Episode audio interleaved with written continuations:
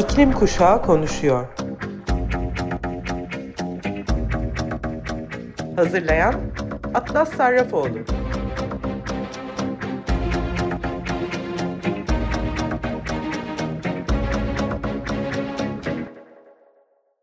Hepinize merhaba sevgili Açık Radyo dinleyicileri. İklim Kuşağı Konuşuyor programına hepiniz hoş geldiniz. Geçtiğimiz haftanın iklim haberleriyle karşınızdayım bugün yine. İlk haberim iklim krizine dikkat çekmek isteyen bilim insanlarından. Binlerce bilim insanından oluşan bir koalisyon 2019 Dünya Bilim İnsanlarının iklim acil durumuna ilişkin uyarısını güncelleyerek dünyanın kuşatma altında olduğunu belirterek keşfedilmemiş bölgeye girildiği uyarısında bulundu.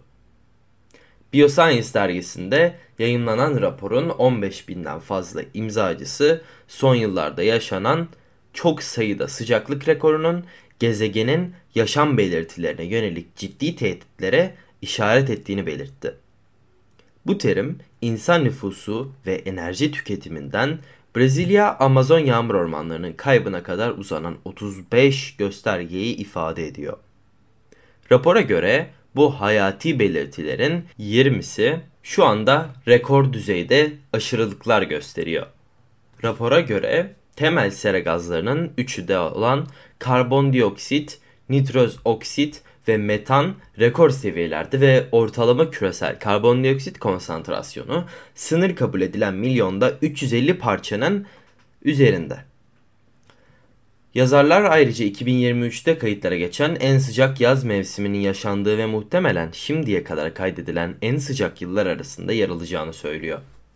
Okyanus asitliği, buzul kalınlığı ve Grönland buz kütlesi tüm zamanların en düşük seviyelerine ulaştığına, okyanusların her zamankinden daha sıcak olduğuna dikkat çekilen çalışmada bunun denizde can kaybından gezegenin daha önce görüldüğü türden yoğun tropik fırtınalara kadar uzanan çok yönlü etkilere sahip olacağına dikkat çekiyor.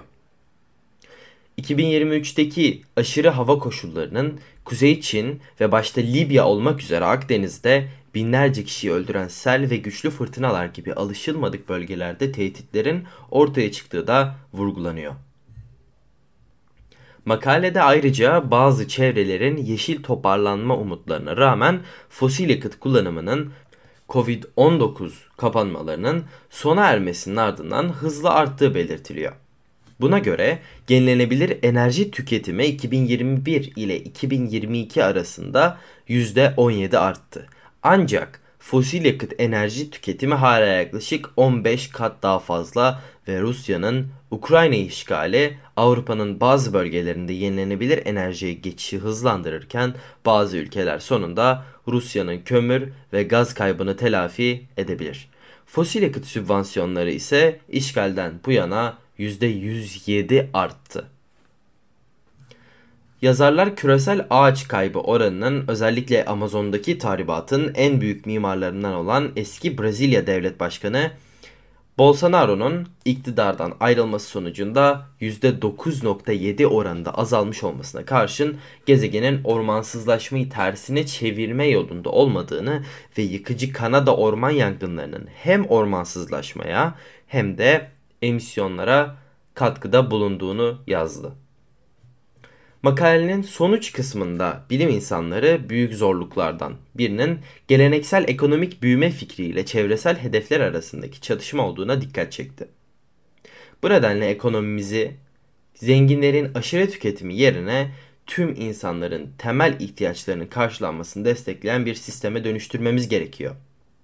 2019'da küresel emisyonların %48'inin emisyon salan en zengin %10'luk kesim tarafından oluşturulduğunu, en alttaki %50'nin ise sadece %12 emisyon yaydığını hatırlatan uzmanlar yalnızca karbon azaltımına ve iklim değişikliğine odaklanmak yerine altta yatan ekolojik aşma sorununu ele almak uzun vadede bu zorluklarla başa çıkmamız için bize en iyi şansı verecektir. Bu dünya üzerindeki tüm yaşam için derin bir fark yaratma anımızdır ve zamana karşı dayanıklı bir değişim mirası yaratmak için bunu sarsılmaz bir cesaret ve kararlılıkla kucaklamalıyız dedi. İklim krizinin en büyük etkilerinden biri de insanların yerinden edilmesi. Birleşmiş Milletler Mülteciler Yüksek Komiserliği, savaş, zulüm, şiddet ve insan hakları ihlalleri nedeniyle küresel çapta yerinden edilen insan sayısının 2023'ün ilk yarısında 110 milyona ulaşarak rekor kırdığını bildirdi. Yapılan bir basın açıklamasında sayının Eylül sonu itibariyle 114 milyonu aştığı tahmininde de yer verildi. Birleşmiş Milletler Mülteciler Yüksek Komiserliği bu yılın ilk 6 ayında zorla yerinden edilmelerini analiz eden yıl ortası eğilimler raporuna göre 2023'ün ilk yarısında zorla yerinden edilmelerin başlıca sebepleri arasında da Ukrayna'daki savaş, Sudan, Demokratik Kongo Cumhuriyeti ve Myanmar'daki çatışmalar, Somali'deki kuraklık, sel ve güvensizliğin bileşik etkisi Afganistan'daki uzun süreli insan krizi yer alıyordu. Birleşmiş Milletler Mülteciler Yüksek Komiseri Filippo Grandi bir basın açıklamasında şunları kaydetti.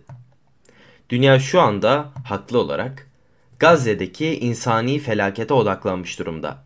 Ancak küresel çapta çok sayıda çatışma yayılıyor ya da tırmanıyor. Masum hayatları paramparça ediyor ve insanları yerinden ediyor.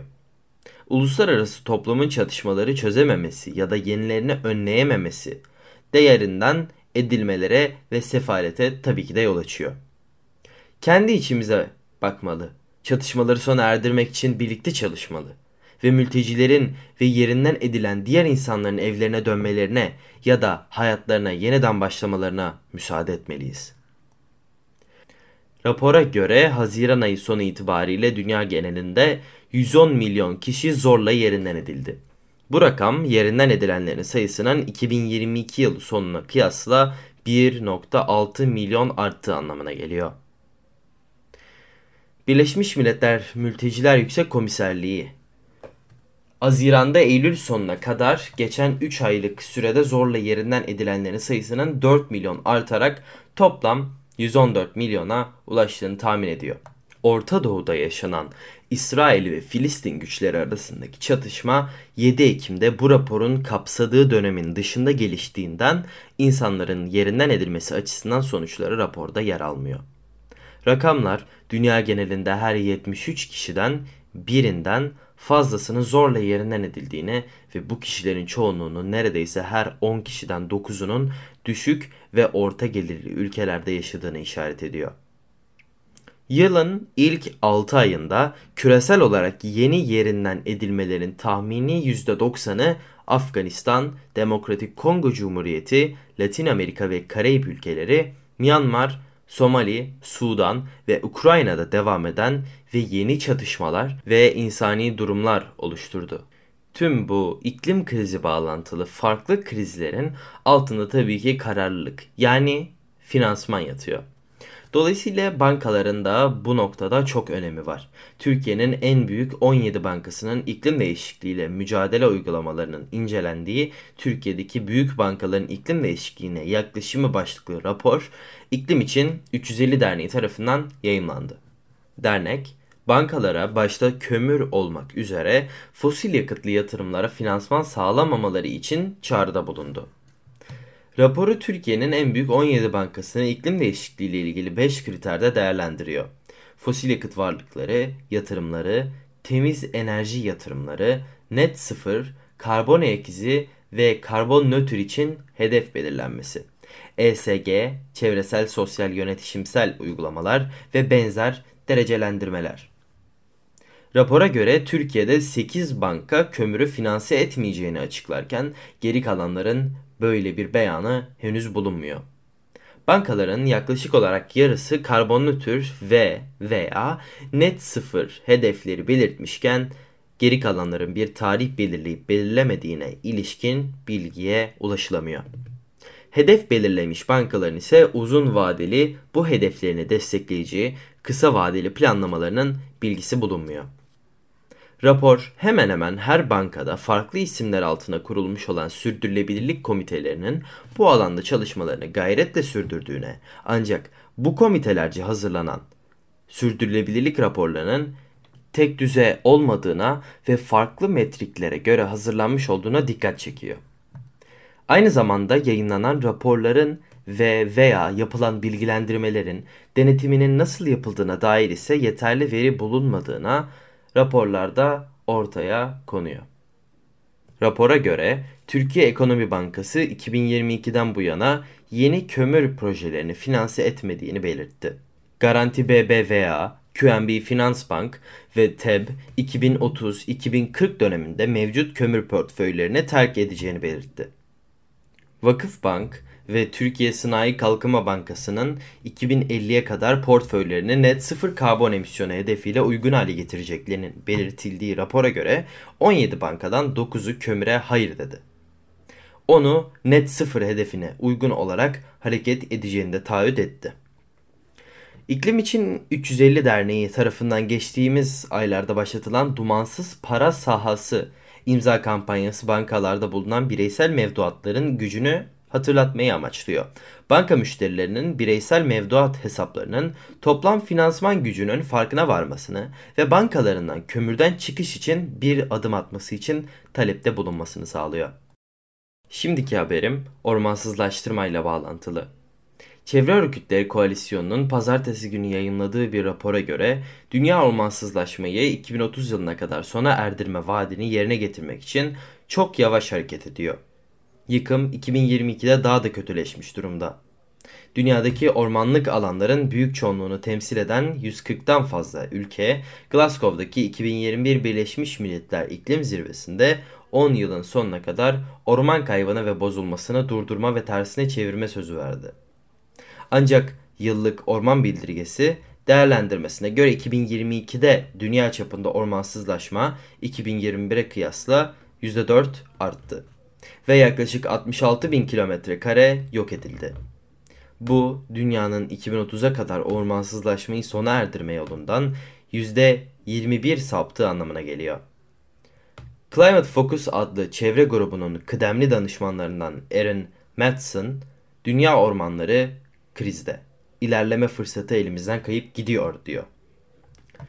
Rapor ormansızlaştırmanın 2030'a kadar ortadan kaldırılmasına yönelik taahhütlere yönelik ilerlemeyi değerlendiren sivil toplum ve araştırma kuruluşlarından oluşan bir koalisyon tarafından yürütüldü. Araştırmaya göre yoğun karbon içeriği ve zengin biyoçeşitliliği nedeniyle eski tropik ormanları koruma çabaları 2022'de 4.1 milyon hektar kaybıyla %33 hedeften sapmış durumda. Raporda yer alan araştırmacılar ormanları korumaya yönelik projelere her yıl aktarılan yıllık 2.2 milyar dolarlık kamu fonunun ihtiyaç duyulan yatırımın çok küçük bir kısmı olduğunu vurguladı. Climate Focus'a göre orman tahribatının nedenleri arasında ağaç kesme faaliyetleri, hayvan otlatma ve yol inşaatı yer alıyor. Ancak Climate Focus danışmanlık şirketlerinin baş yazarı ve yönetici ortağı Francisca Haupt, dünyanın bazı bölgelerinin ilerleme kaydettiğini de söyledi. Haupt, yaklaşık 50 ülkenin orman kaybını sona erdirme yolunda ilerlediğini, Brezilya, Endonezya ve Malezya'nın ormansızlaşmada ciddi azalmalar gösterdiğini de söyledi. Haupt, umut kaybolmadı bu ülkeler diğerlerinin takip etmesi gereken açık örnekler oluşturuyor diye ekledi. Evet, yine kutuplardan kötü bir haber var.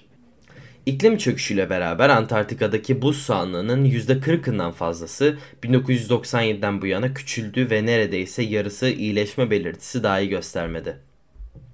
Leeds Üniversitesi'ndeki bilim insanlarının yeni çalışmalarına göre Antarktika'daki 162 buz kütlesinin 71'i son 25 yılda boyut olarak küçülüp okyanusa toplamda 7.5 trilyon ton tatlı su saldı. Antarktika'nın batı yakasındaki ılık su buzları eritirken doğudaki buz sahanlığı ya aynı kaldı ya da su daha soğuk olduğu için büyüdü.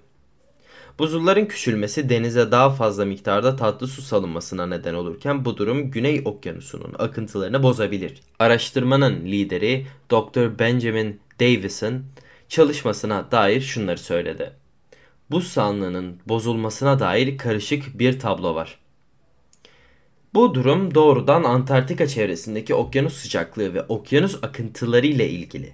batı yarısı buz sahanlığını aşağıdan hızla aşındırabilecek ılık suya maruz kalırken Doğu Antarktika'nın büyük bir kısmı şu anda kıyıdaki bir soğuk su bandı tarafından sıcaklıkları korunuyor.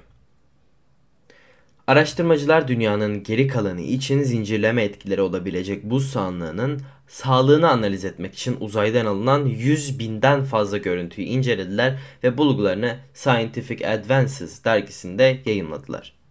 25 yıllık dönemde okyanusa salınan su, dünya çapında ise ısı ve besin taşıyan okyanus akıntılarını etkiliyor.